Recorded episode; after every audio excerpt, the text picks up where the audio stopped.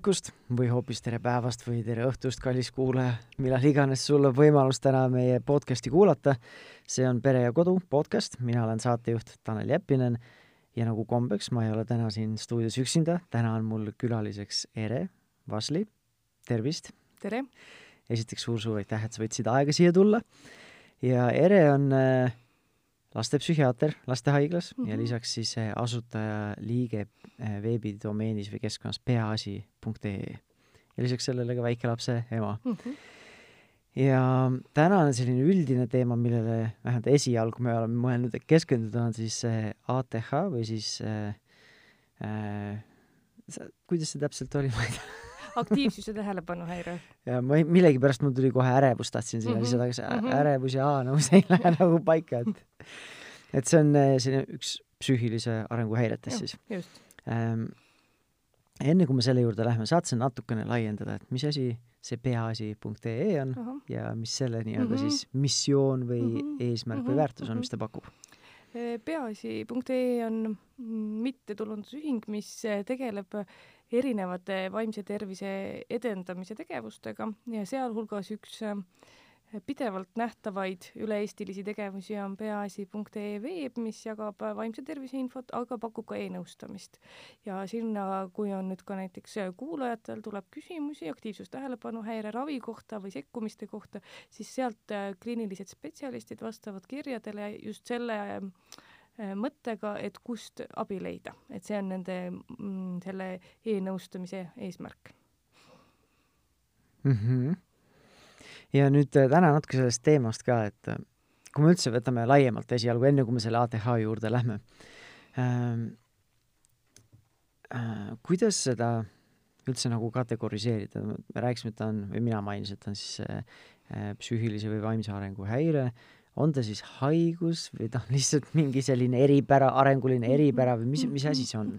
No psühhiaatria klassifikatsioonide järgi on aktiivsus-tähelepanuhäire ikkagi häire, no et kuidas keegi seda tunneb, et mis sõna tema jaoks nagu sobivam on, et et kes kuidas seda nagu oma peas tahab ka mõelda, ma just mõtlen inimesi, kellel on aktiivsus-tähelepanuhäire või nende vanemaid. aga et on selline arenguhäire, millel on hästi palju geneetilist, bioloogilist komponenti et äh, sageli vanemad, kelle lastel on aktiivsus-tähelepanuhäire, siis tunnevad, et nagu nad oleksid selles süüdi või, või vastutavad või selle esile kutsunud, et tegelikult aktiivsus-tähelepanuhäire on üks just neist häiretest, millel on hästi palju kaasasündinud osa mm. -hmm. ma, minu eesmärk kindlasti ei ole kellelegi eraldi süütunnet tekitada mm, -hmm. nüüd sa oled süüdi või, või, või äh, mis iganes selliseid ere, ekstra pingeid tekitada. aga samas mul on nagu huvi selle vastu, et äh, nagu väga paljud asjad, sa ütlesid ka, et see on nagu geneetilise nii-öelda soodumusega või geneetilise taustaga ja noh, nii palju, kui mina ise mäletan bioloogiatunnist eh, keskkoolis, ma ei mäleta, ülikoolis ma vist, võib-olla ülikoolis ka, et ma õppisin eh, loodusteadustes eh, Tartu Ülikoolis. ja nüüd enesearengu teekonnal ka, nii palju kui ma lugenud olen, siis seal on nagu kaks poolt, nagu alati, geneetika ja siis see keskkond, mis kas siis kutsub võib-olla esile ja aktiveerib seda, seda geeni ja nii edasi. et nii palju, kui sinul on teadmisi või nii palju, kui sa oled ise uurinud, kuulnud äh,, et kui suur osa, ma ei tea, kas saab protsenti panna, aga kuidas see geneetika ja keskkonna dünaamika selle häire puhul äh, nii-öelda nagu toimib mm? -hmm. et kui suur osa on ühel või teisel?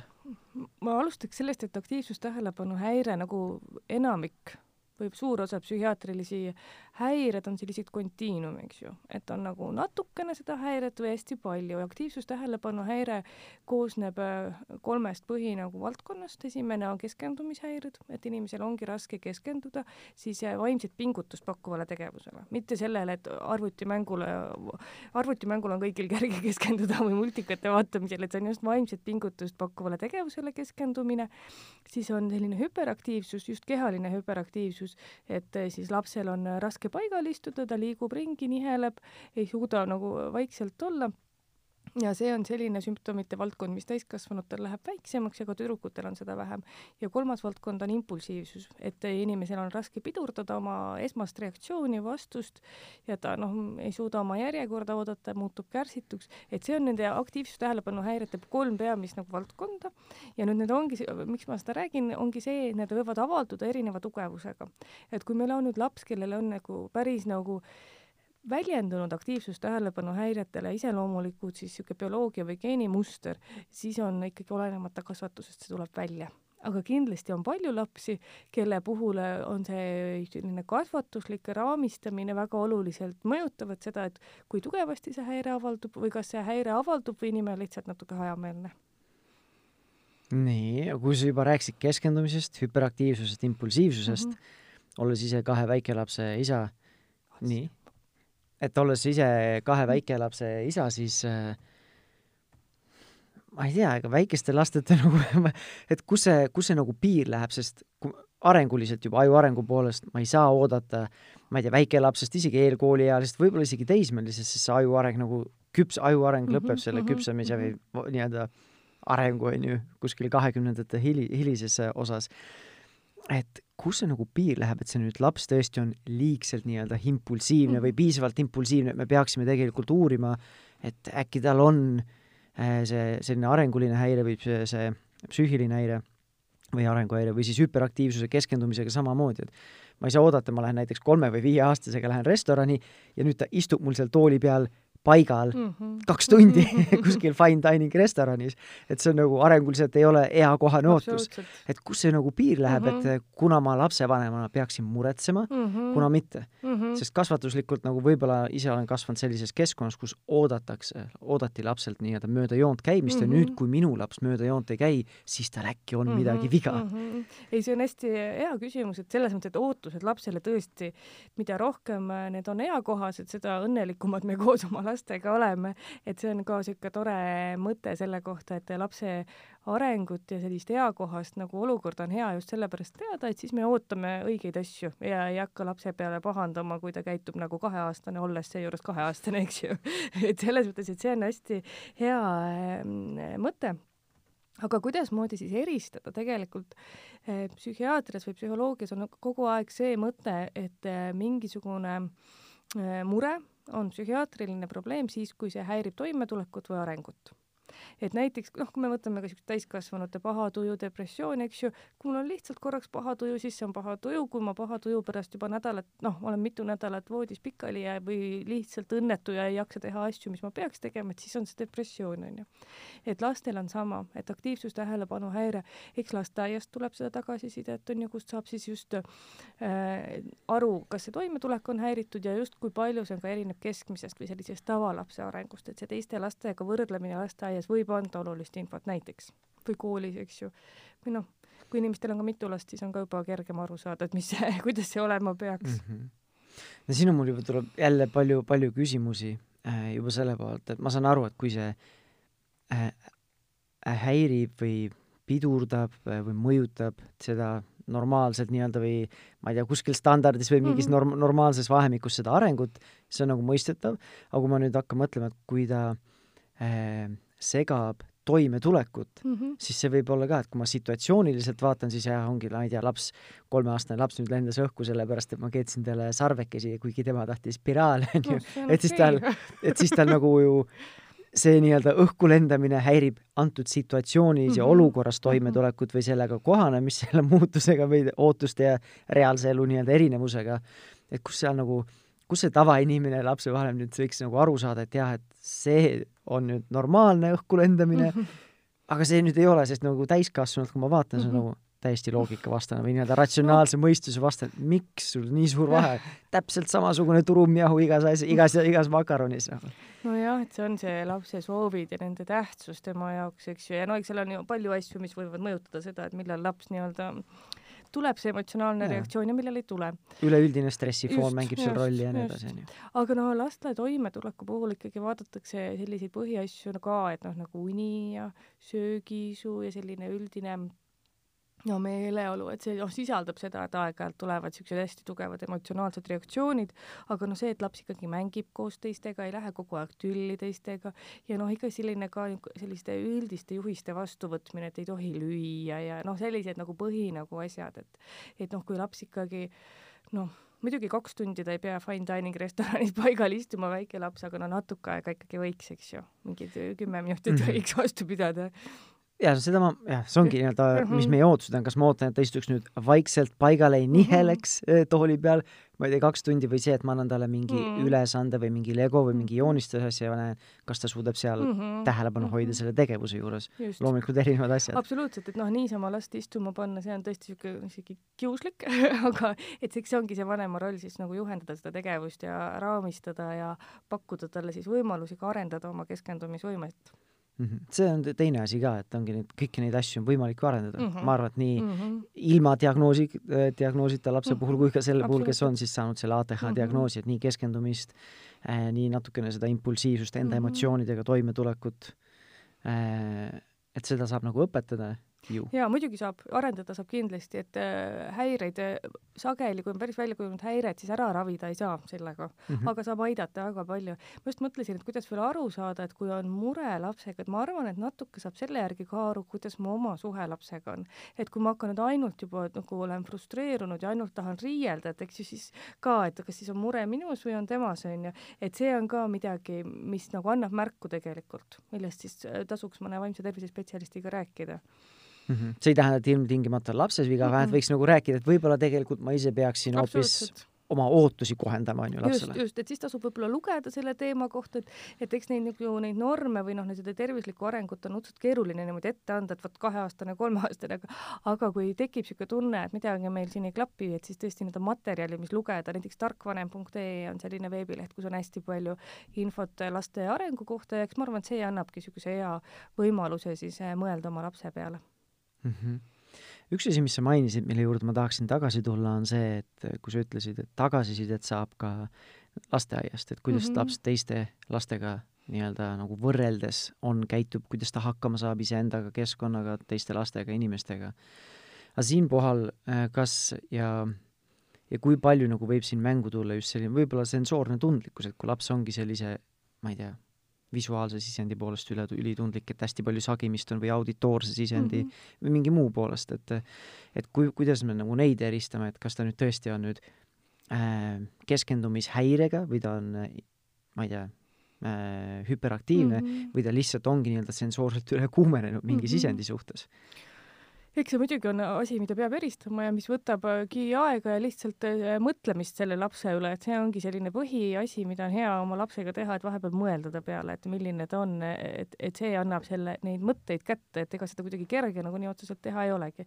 ja pealegi see, et selline keskendumishäire, impulsiivsus ja ka mõningane hüperaktiivsus tegelikult peaaegu kõigil inimestel, kui nad ära väsivad, siis need sümptomid või need raskused tulevad, et ikka igasugune keskendumine ja nagu enda juhtimine on piiratud ressurss, ka täiskasvanutel ja lastel, eks ju, lapsed ju sünnivad sellise ajuga, mis ei ole üldse valmis, areneb kahekümne kuuenda eluaastani, et kui see kõik need keskendumine, enda juhtimine, impulsiivsuse juhtimine, kõik see toimub siin eessagaras ja see ongi see osa, mis ju areneb meil varaste kolmekümnendateni, et selles mõttes, et, et eks siin noh, ongi see küsimus, et, et kuidas seda eristada, et mis see lapse trajektoor on ja no arengutrajektoor ja kus tema on lihtsalt liiga väsinud, ülestimuleeritud, alastimuleeritud, et see ongi selline äh, pikk töö nii lapsevanematele kui ka vaimse tervise spetsialistidele ja, see on... tahtsin öelda, et eks eesmärk on just seda last siis toetada, nii nagu temale on õige, mitte siis, oo, kas nüüd saime diagnoosi või mitte, eks ju Mm -hmm. ja et ei ole mõtet hakata ruttama selle mm -hmm. diagnoosiga, aga, aga see on nagu vahva, et sa mainisid sellest, ma olen täiskasvanud inimesena kogenud täpselt sedasama asja mm, -hmm. et et kui mul on pikk tööpäev või pikk üldse nõud, nii-öelda nõud, nõudlik päev mm -hmm. selja taga, siis ega ma ise ka õhtul taga sagedasti ei tee kõige paremaid valikuid.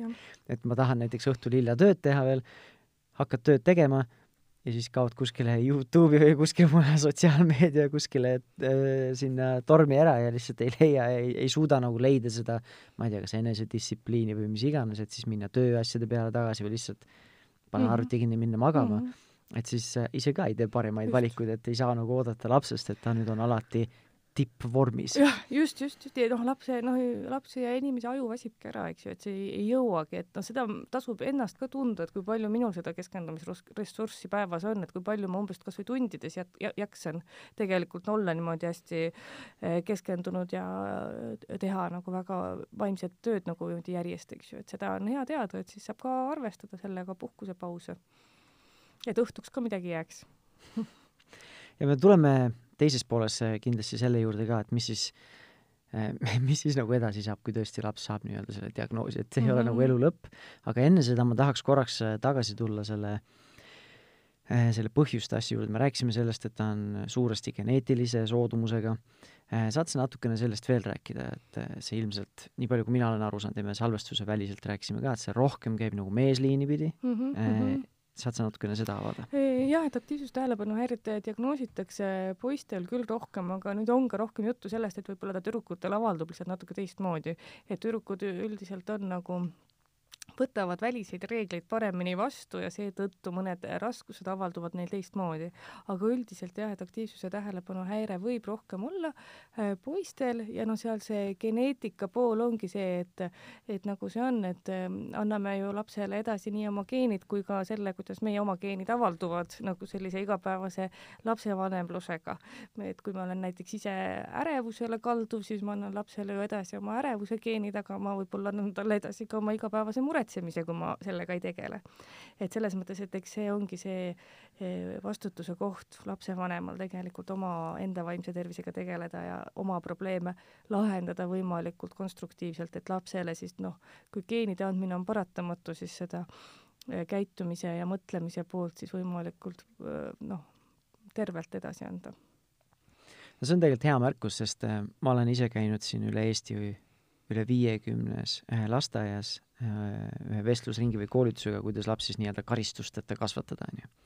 ja, ja seal, nii palju kui ma ise olen uurinud ka, siis tuli samamoodi välja, et selline väga range ja nii-öelda nagu last mitte arvestav ja mitte kuulav selline ka- kasvatusviis näiteks ongi, kui ma kipun karistama äh, siis see tegelikult just tõstab esile või toob esile sellist vastumeelsust, mässumeelsust, trotsi, vimma ja nii edasi mm. -hmm. et siis samamoodi ka, et kui mingid, et võivad olla, et mingid sellised kasvatusmeetmed, mis mul endal on võib-olla lapsepõlvest kaasas mm, -hmm. mis Mhm. minul Mm -hmm. võib-olla tõid rohkem neid sümptomeid esile, et siis samamoodi, nagu sa ütlesid, selle oma kasvatusega, oma selle keskkonnaga siis veel võib-olla võimendanud mm -hmm. neid asju, neid sümptomeid no,. jaa, ja aktiivsustähelepanuhäire puhul on hästi noh, näiteks iseloomulik see, et, et kui lapsel on siis need, ütleme, keskendumise või niisuguse impulsiivsuse, hüperaktiivsuse geenid ja vanemad on ka nagu natuke hajameelsepoolsed, eks ju, siis kas või sellist väikelapsele väga vajalikku päevakava on päris raske hoida, kui sa ise oled ka selline, et noh, mõte läheb mujale ja nagu me kõik oleme väsinud, et ega see päevakava hoidmine ei ole ju kuidagi kerge asi, et iga päev õigel ajal magama ja kõik nii edasi. aga noh, no kas või sellistest asjadest juba need lapse see bioloogia, tema selline noh, keskendumisraskused ja hüperaktiivsus, impulsiivsus juba sellest hakkavad ka nagu võimenduma, kui tal ei ole seda tavalist päevakava, tavalist rütmi, sellist korrapära, noh, neid püsivaid reegleid, mida ongi ju aktiivsustähelepanuhäirega inimesel raskem rakendada mm. -hmm. nii et äh, nagu me rääkisime, et see on geneetiline, et võib-olla Mhm. sada protsenti nagu ära hoida või me seda ei saa mm, mm. -hmm. aga on mingid ma ei tea, kas uurimusi oled sa ise kuulnud, et on, on võimalik siis kuidagi seda minimi-, minimeerida, seda riski, et see nüüd lõpuks nagu avaldub või need, või need, need sümptomid siis äh, avalduksid vähema, vähesemal mm, -hmm. ma ei tea, Mhm. määral või tugevusega ma ise arvan, et kõige rohkem on võimalik eh, varakult lapse raskuseid ära tunda, aidata teda neid arendada ja aidata tal ka nendega leppida. et see on see kõige suurem võimalus, et me saamegi aru, et okei okay,, et minu laps on natukene hajameelne, ma aitan tal leida neid võimalusi selle hajameelsusega toime tulla, igapäevaselt õpetan talle märkama ennast ja nagu tähele panema, mis need noh, olulised asjad olid, eks ju, et see on selline igapäevane eh, võimalus eh, lihtsalt aidata tal sellega hakkama saada ehk siis äh, ma põhimõtteliselt õpetaks, õpetaksin lapsele siis enesejuhtimisoskusi mm. -hmm. nii-öelda tema võib-olla nii-öelda eripära, eripära just, kontekstis.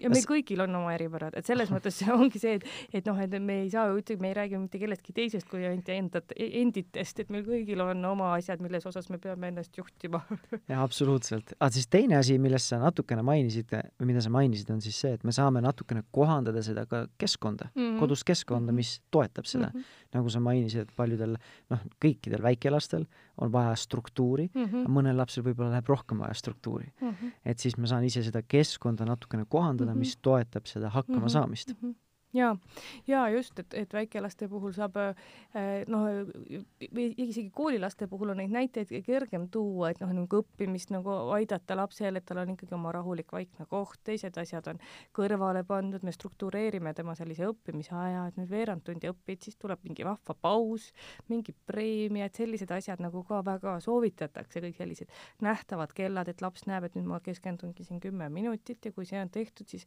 no see preemia ei, ma ei mõtle mingit asja või magusat, vaid pigem mingit koostegemist. et, et sellised asjad noh, näiteks on, mis selliseid koolilapsi väga aitavad mm. -hmm. ja tuleme nüüd selle juurde tagasi, kui sa ütlesid, et aidata, üks asi on, et aidata lapsel siis nii-öelda nagu aktsepteerida või lihtsalt, ma ei tea, kas siis leppida selle olukorraga või selle diagnoosiga, et see ilmselt peaks al algama lapse vanemast mm. -hmm. et ma ise ka ei näe seda, kui siis ma ei tea, mingit noh, ma ei tea, ülevalt poolt või kust iganes antud mingit otsust, et nii on ja ma ei tea, nüüd sa oled selle, ma ei tea, diagnoosi lõk-, lõksus on ju eluaeg ja sa mm -hmm. või laps ei ei suuda siis nii hästi funktsioneerida kui kõik teised mm, -hmm. et siis mhm. samamoodi see peaks algama iseendast. et kui nüüd juhtub, et keegi tuleb näiteks mm, -hmm. on mure ja siis nüüd saab selle nii-öelda diagnoosi, et äh, kuidas sa seda siis kommenteerid, on see siis nii-öelda mingi elu lõpp või on see mingi suur selline äh, peab see olema mingi ülisuur selli-, väga, või väga suure tähtsusega mingi asi või kuidas mm -hmm. sellega siis nagu edasi minna, selle, selle leppimisega, selle kohanemisega ja nii edasi? jah, ja lastepsühhiaatri vaate, vaatevinklist on aktiivsus tähelepanuhäire, noh kui mingit kaashaigust ka ei ole, on üks selline häire, millega on üpris kerge koos elada. arvestades kõiki probleeme, mis lastel võivad olla, siis see on üks neist, mida mida lastepsühhiaatrid jah, näevad pigem sellisena, millega, millega saab elada.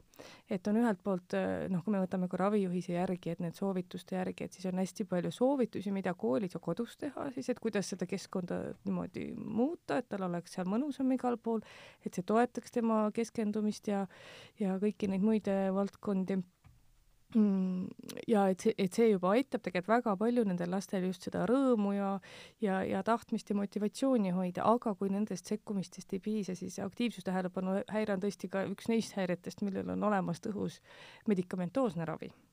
mida mina isiklikult küll ütlen, et kui minu lapsel oleks vaja, siis ma küll annaksin, et selles mõttes, et see on täitsa selline äh, üks tõhusamaid ravimeid psühhiaatrias mm. -hmm oskad sa nüüd äh, mingeid spetsiifilisi näiteid ka tuua, et äh, näiteks mis, nagu me ütlesime ka alguses, on nii-öelda spekter, et see mm -hmm. ei ole, kas sa oled ATH mm -hmm. või sa ei ole ATH, et sa võid seal spektris olla ühes või teises mm -hmm. kohas ja nagu sa rääkisid, on kolm erinevat nii-öelda nagu mm, -hmm. ma ei tea, tegurit või sümptomit, on see keskendumisehäire, hüperaktiivsus, just see füüsiline, kehaline mm -hmm. ja siis äh, impulsiivsus, et laps võib olla ka, et ühes nendest kolmest mm -hmm. võib olla nagu võib-olla seal, ma ei tea, kaugemas otsas, teised mm -hmm. on natuke leebemad mm -hmm. ja nii edasi, et ei ole nagu ühe mütsiga löömist, onju. Mhm.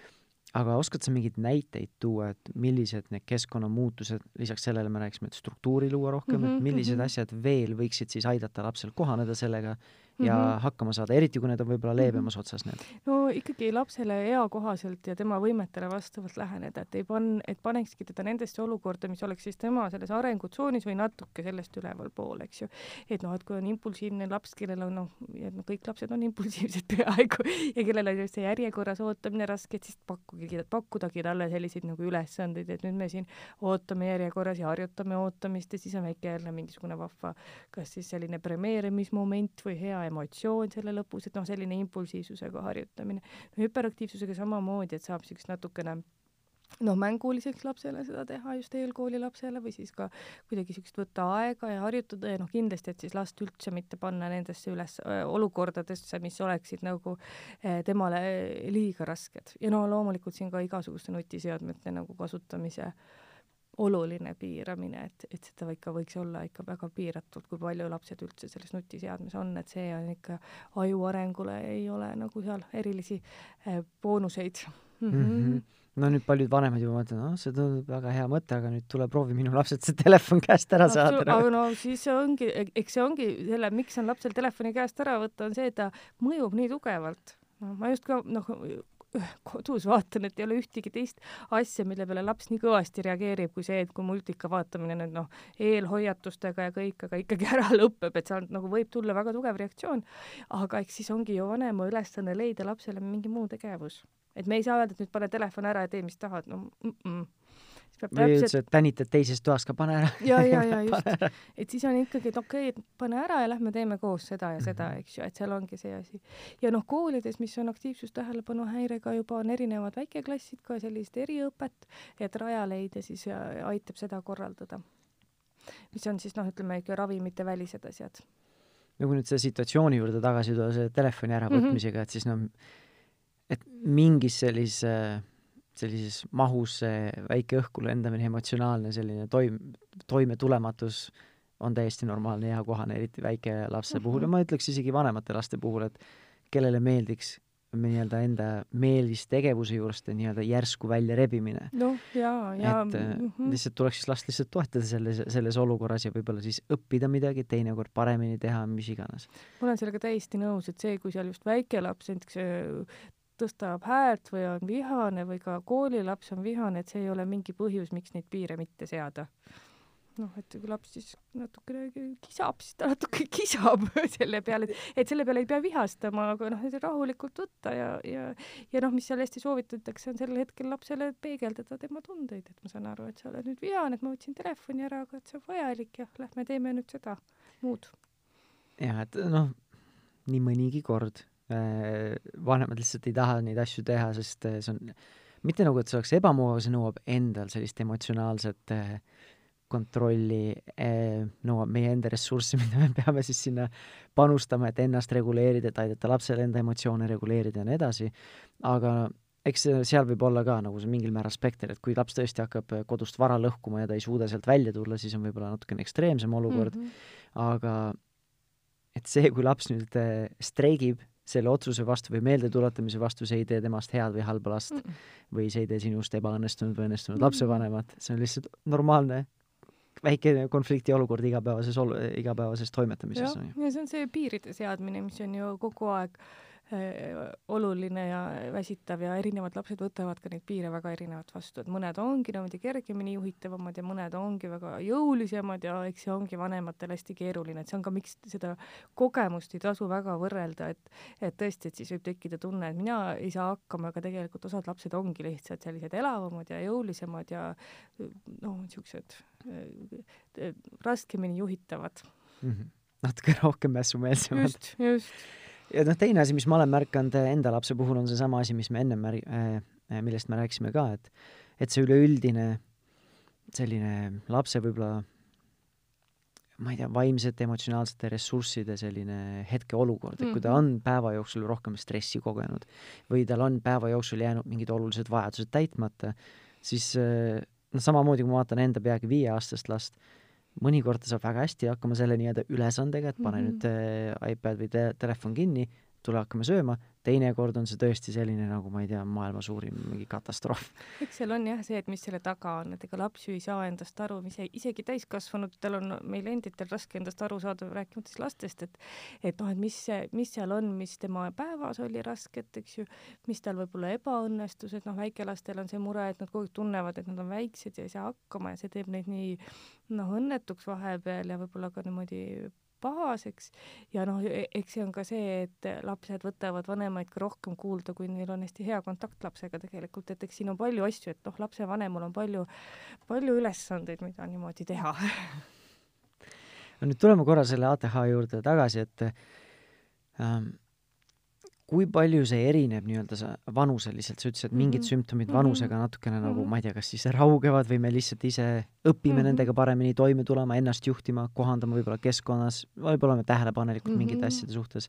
et kuidas see nagu välja näeb erinevates sellises, ma ei tea, kas arengufaasides või eh, vanuselises nii-öelda eh, skaalas?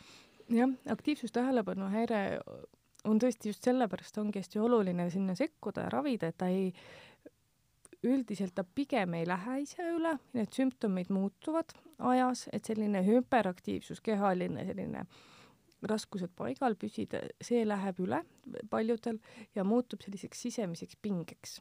et inimesel on sisemiselt paha olla, aga ta ei, noh, see ei paista samamoodi välja ja samamoodi impulsiivsus on see, millega inimene, paljud inimesed, eriti kui on noh, heade vaimsete võimetega inimesed, siis nad õpivad ennast nagu sundima ära ootama, kuni teine räägib, ei sega vahele, õpivad ennast sundima järjekorras ootama, aga see võtab neilt hästi palju ressurssi tegelikult.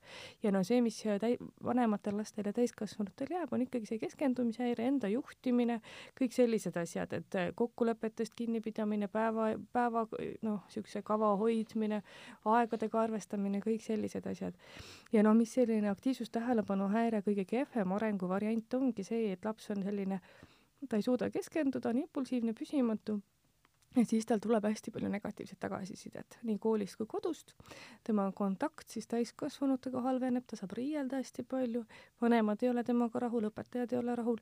Ja sealt võib siis areneda depressioon või ärevushäire, aga ka sõltuvushäireid, hästi palju käitumishäireid siis juba teismelistel lastel et see on ka see põhjus, miks me peame seda efektiivset ravi hästi oluliseks, et need asjad ei läheks edasi, et noh, et muidu ongi, et aktiivsus-tähelepanu häire puhul ikka nähakse rohkem, et see haridustee jääb pooleli, enne kui see oleks nagu vaimsete võimete poolest nagu noh, ette nähtud on ju, et kas siis keskkoolis või ülikoolis, eks ju, või ka, või ka noh, kutsekoolis kus, kuskil kohas katkeb ja inimestel võivad tekkida väga-väga juba tõsisemad probleemid käitumisega ja, ja noh, ainetega ja võib-olla ka seadustest kinnipidamisega, et seda nagu aktiivsustähelepanu häire puhul nähakse, et see rohkem läheb sinna trajektoori võib areng minna, kui sinna piisavalt nagu agressiivselt ja tõhusalt ei sekku.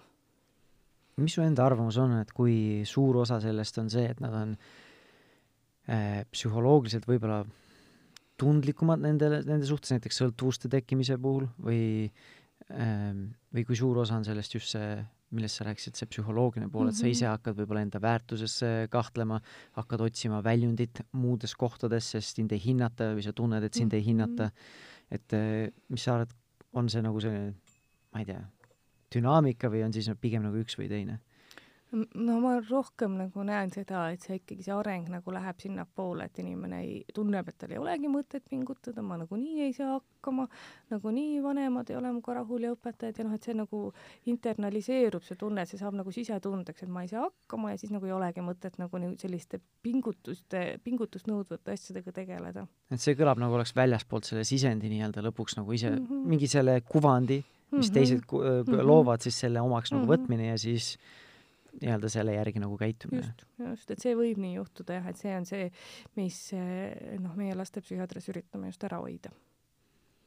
siin võib olla siis selline, ma ei tea, kas meeldetuletus või siis äh, nii-öelda märkus siis lapsevanematele ka, et et suhtuda sellesse nii-öelda tundlikult, et mm -hmm. mitte mhm. nii-öelda last näha maha teha, et sul ei ole võimeline mm, -hmm. jälle sa said hakka-, ei saanud asjaga hakkama, jälle, jälle või mitte kunagi ja nii edasi mm. -hmm. just, et eks see on noh, ma arvan, et kõik lapsevanemad teavad seda, et ega see negatiivse tagasiside andmine midagi ei aita, et eks see ongi vist rohkem niisuguse enda juhtimise küsimus. ja on hästi häid vanemluskoolitusi ka tegelikult olemas, mis on praegu Eestis tehakse, et on need Imelised aastad ja Gordoni perekool näiteks, mida väga, mis ma arvan, et mõlemad nemad aitavad selles osas ka just, et kuidas siis seda eh, noh, last aidata juhul, kui tal on ka mingid sellised raskused mm. -hmm. võtame nüüd lõpuks selle kõige noh, tänapäeval tundub nagu kõige selline vastuolulisema teema mm, -hmm. need eh, rohud ja, ja muud asjad.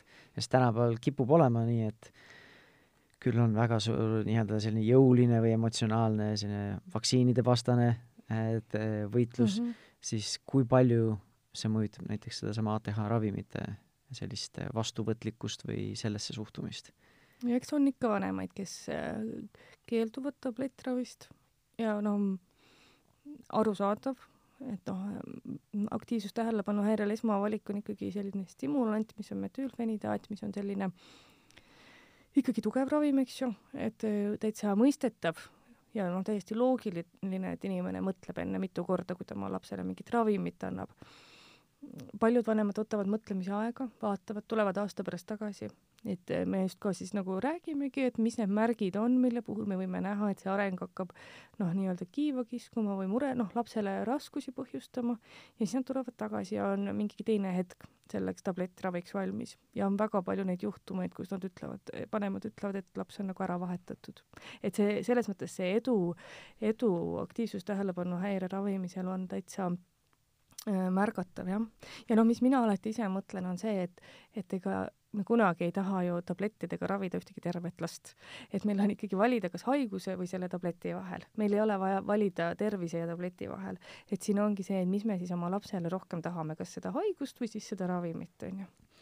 no ma arvan, et see kui ainult nii oleks, siis paljudel ei oleks seda küsimust, et eh, ilmselt on seal mingid muud hirmud selle ravimiga seoses või mm -hmm. üldse selle filosoofiliselt üldse mingite tugevate ravimite võtmine, et nii palju, kui sina oled suht-, suhelnud vanematega, mis need kõige sagedasemad hirmud on ja kui palju nendel siis seda tõepõhja seal taga on nende no. ravimite suhtes? No eks psühhiaatriliste ravimitega on kõikidega, et teeb kuidagi zombiks või uimaseks või tekitab sõltuvust või noh, sellised asjad, et noh, psühhiaatrilistest ravimitest sõltuvust tekitavad ainult äh, rahustid ja need äh, sopikloon, sopiteen, need unerohud, et teised mitte. et, äh, et noh, need on need hirmud, mis inimestel on. ja tõesti mõistetav, aga lihtsalt nende ravimitel on tehtud pikaajalisi uuringuid, nüüd ma arvan, üks kolmekümneaastaseid uuringuid, kus on leitud, et ikkagi ravimitega aktiivsustähelepanu häire pluss ravimid, siis need stimulandid, see lapse aju areneb äh, nagu tavalise lapse aju, noh, nagu terve lapse aju, ütleme nii, aktiivsustähelepanu häireta lapse aju, ja meil on ka palju pikaajalisi uuringuid siin just Põhjamaades tehtud äh, neist inimestest, kellel on tagantjärgi siis aktiivsustähelepanu häire diagnoositud, et noh, on ka näha, mis see arengurada on siis, kui inimene ei saa ravi. et noh, et seal ongi, et ikkagi, ikkagi seda noh, sedasama mm, nagu niisugust raskemat või kahju, kurvemat arengut on palju, mida ma siin eespool kirjeldasin. aga need ATH ravimid, need ei ole siis sama toimemehhanismiga nagu siis rahustid või? ei, nad ei ole, et äh, aktiivsustähelepanu ravimid on stimulandid ja nemad äh, mõjutavad otseselt siis ähm, aju neid äh, keskendumist, tähelepanu hoidmist, impulsiivsuse, neid selliseid närviradasid ja eessagarat, et inimese eessagar ja kõik see just toimibki tugevamalt mm. -hmm. et nad ei võta nagu selles mõttes nagu ei pidurda või ei rahusta last, nad aitavadki tal otseselt keskenduda hmm.. ma ise ei ole ilmselgelt see ei ole selle, selle ala spetsialist, et ma ise olen kohanud väga palju inimesi ja vanemaid, sest oma nii-öelda varasemas elus ma äh, müüsin Ameerikas ukselt uksele äh, haridusliku sisuga raamatuid ja ma kohtasin nagu sadu ja tuhandeid peresid, kes nagu rääkisid sellest ja nii edasi. et ma ei tea, kui palju siis Euroopa ja Ameerika nii-öelda see ravimitööstus on erinev, vaktsiinide puhul räägitakse, et on, aga et seal oli küll nagu vanemad, vähemalt see, mis, mis, kuidas nad nii-öelda seda edasi andsid, siis et need hüperaktiivsed lapsed nagu olidki väga selliseks nii-öelda nagu maha rahustatud, et sa olidki nagu see, sealt jäi mulle mulje, et need on pigem nagu rahustid mm. -hmm. et noh, võib ju kasutada erinevaid ravimeid, aga ikkagi esmavalik ja noh, see, mis on ravi eesmärk, on ikkagi see, et laps saaks keskenduda ja elada nagu mõnusat elu, mitte et ta on kuidagi rahustatud ja ja kuidagi väsinud või uimane, aga kindlasti on üks probleem see, kui Ameerika ravimi kogemust otseselt üle tuua meile, et seal on hästi palju erinevusi tegelikult, et see, kui palju Ameerikas aktiivsustähelepanu häire, häirete tablettidega ravitakse ja mis viisil need kättesaadavad on, see on ikka täitsa teine asi.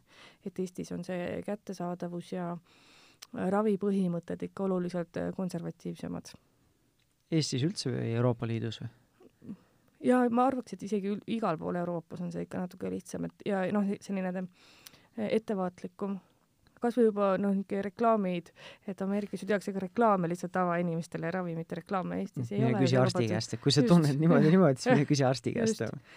ja arst saab oma nii-öelda, oma komisjoni müügi nii-öelda protsendi sealt ja loomulikult ta annab sulle seda, kui sa, keegi tuleb sisse, kuule, et kas sa tahad ekstra raha teenida mm -hmm., tahad seda ravimit mm. -hmm. sest reklaam ütles, et see on hea mm. -hmm, jah, et Eestis ei ole jah selliseid reklaame, mis oleks otse inimesele niimoodi suunatud. kuidas sa adresseeriksid seda hirmu, et ähm, kui ma ei taha endale või oma lapsele siis pakkuda anda seda ravimit, sest ma mingil määral annan siis talle nii-öelda selle nagu kargu, millele toetada, et nüüd selle ainult ravimiga seda asja ravida, versus see, et ma tegelikult nagu tõesti püüan muid lahendusi kasutada, et kohaneda või hakkama saada selle olukorraga. ja sellega seoselt ka see, see sõltuvuse tekkimine, et kas nüüd, kui ma panen oma lapse ravimi peale, kas see tähendab, et ta peab elu lõpuni olema nende ravimite peal mm. -hmm. et siin on mitu asja, et esiteks, et kindlasti ravimit öö, on oluline kasutada koos kõikide nende teiste meetoditega, et alati peavad need asjad koos käima. et mina seda ravimit isegi selliseks karguks ei nimetaks, et, et see on nagu tõesti üks ravim, mis tõesti nagu noh, selles mõttes parandab kesknärvisüsteemi toimimist nende nagu valdkondade öö, osas ja, ja kui lapsevanem mõtleb, et ta peab nagu valima siin kahe asja vahel, siis tõesti minu meelest väga hea on see, kui siis noh, tasubki alguses proovida kõikide muude vahenditega, aga kui me näeme, et ikkagi laps on õnnetu ja kurb, et siis, siis ei ole sellel mõtet, et mida, mida me siis sellega nagu äh, nii väga tõestada tahame, et, et sõltuvust need ravimid ei tekita, aga ja osadel inimesed kasvavad välja, nad õpivad siis kasutama igasuguseid strateegiaid ja arendavad ja noh, et ütleme, et need kõik need teised tegevused ongi pidevalt hästi-hästi olulised. Aga osadel inimestel jääb see haigus ka elu lõpuni ja nad ka täiskasvanud võtavad neid ravimeid näiteks pingelisematel perioodidel, kui on nagu äh, raskem ja vaja rohkem keskenduda, et siin on esi-, erinevaid variante, et, et kuidas see ravi pikaajaliselt võib kujuneda, jah, sõltuvust see otseselt ei tekita, aga see vajadus selle ravimi suhtes võib jääda mm. -hmm. seal sõltuvusel on ka vist kaks erinevat, üks on see nagu biokeemiline sõltuvus mm, -hmm. siis teine on psühholoogiline sõltuvus jah, ja aga selle ravimi puhul ma isegi kummastki nagu otseselt isegi jah, ilmselt mingi platseeboefekt on igal, igal ravimil olemas, aga, aga üldiselt ta ikkagi eh, noh, inimesed ikkagi noh, see, see efekt on nii oluline, kui see efekt tuleb, et siis see on nii märgatav, et et, et see kuidagi on eristatav sellest, et inimene lihtsalt arvab, et see ravim talle võiks hästi mõjuda mm. -hmm. ja see on raske võib-olla ise kõrvalt nagu hinnata või kogeda, milline see tunne sellele lapsele või sellele noorele mm. võiks olla, sest kui ei oska ennast kujutada ette tema olukorda mm, -hmm. kui tundlik ta on või mingite sisendite suhtes või eh, kui raske tal on keskenduda, kui palju see ressursse nõuab ja järsku nüüd, ma ei tea, mõne päeva või nädala või ma ei tea, kui kiiresti need efekt, efekt sisse nagu läheb, et siis, et siis järsku nagu, et aa, kuule, mul tegelikult ei olegi nii asja, et mul on nagu palju suurem võimekus nende asjadega tegeleda, et nii-öelda siis jutumärkides terve inimesena on võib-olla raske seda isegi ette kujutada. jah, ja, ja paljud vanemad just ka mm, näevad ka seda, kuidas siis noh, just kooliealise, noh, laste ja lapse ka suhted teiste lastega tegelikult paranevad. et see on ka üks oluline asi, mis ju noh, inimesi üldse õnnetuks teeb, kui nad väga üksi jäävad ja on tõrjutud, et, et see on ka mis ma alati soovitan lapsevanematel mõelda, et kui see sellise erinevuse annab, et lapsel on sõbrad tekivad siis, kui ta võtab ravimit, ta saab hakkama, ta ei lähe kõigiga tülli, ei vihasta nii kergesti, eks ju, et see on ju nii oluline mm -hmm. nii-öelda heaolutunne mm, -hmm. tunne, et ma olen mm -hmm. teistega seostatud mm, -hmm. kontaktis ja nii edasi mm. -hmm. Mm -hmm. nüüd, kui me hakkame nüüd äh, teemale joont alla tõmbama mm, -hmm. et äh, on midagi Äh, mis ei ole piisavalt praegu meie vestluses tähelepanu saanud või mida sa tahaksid veel ekstra rõhutada või, või midagi veel välja tuua, mis, äh, mida mina võib-olla ei osanud küsida? või ma isegi midagi sellist ei tulegi pähe, et, et soovitan aktiivsustähelepanu häire kohta lugeda peaasi.ee lehelt rohkem ja tarkvanem.ee lehelt ja kõiki neid vanemluskoolitusvõimalusi, võimalusi ma väga soovitan kasutada, sest nad lihtsalt nii äh, avardavad ka, et, et see ei pea olema seda, ma olen vanemana kuidagi kehv, ma ei saa hakkama, et ma lähen sinna koolitusele, vaid lihtsalt, et see ongi nagu huvitav teada neid erinevaid teooriaid ja mõtteid, mis laps, laste arengu kohta on mm. -hmm. ja sa, ehk siis tarkvanem.ee, peaasi.ee mm -hmm. ja siis ennem meil lipsas läbi ka hooandja.ee mitte hooandja, vabandust, Rajaleidja mm. -hmm. rajaleidja punkt ja nemad Rajaleidja. ma väga segadust tekitav nägu oli sul peas, siis mõtlesin, see vist ei olnud päris õige, rajaleidja.ee mm. -hmm.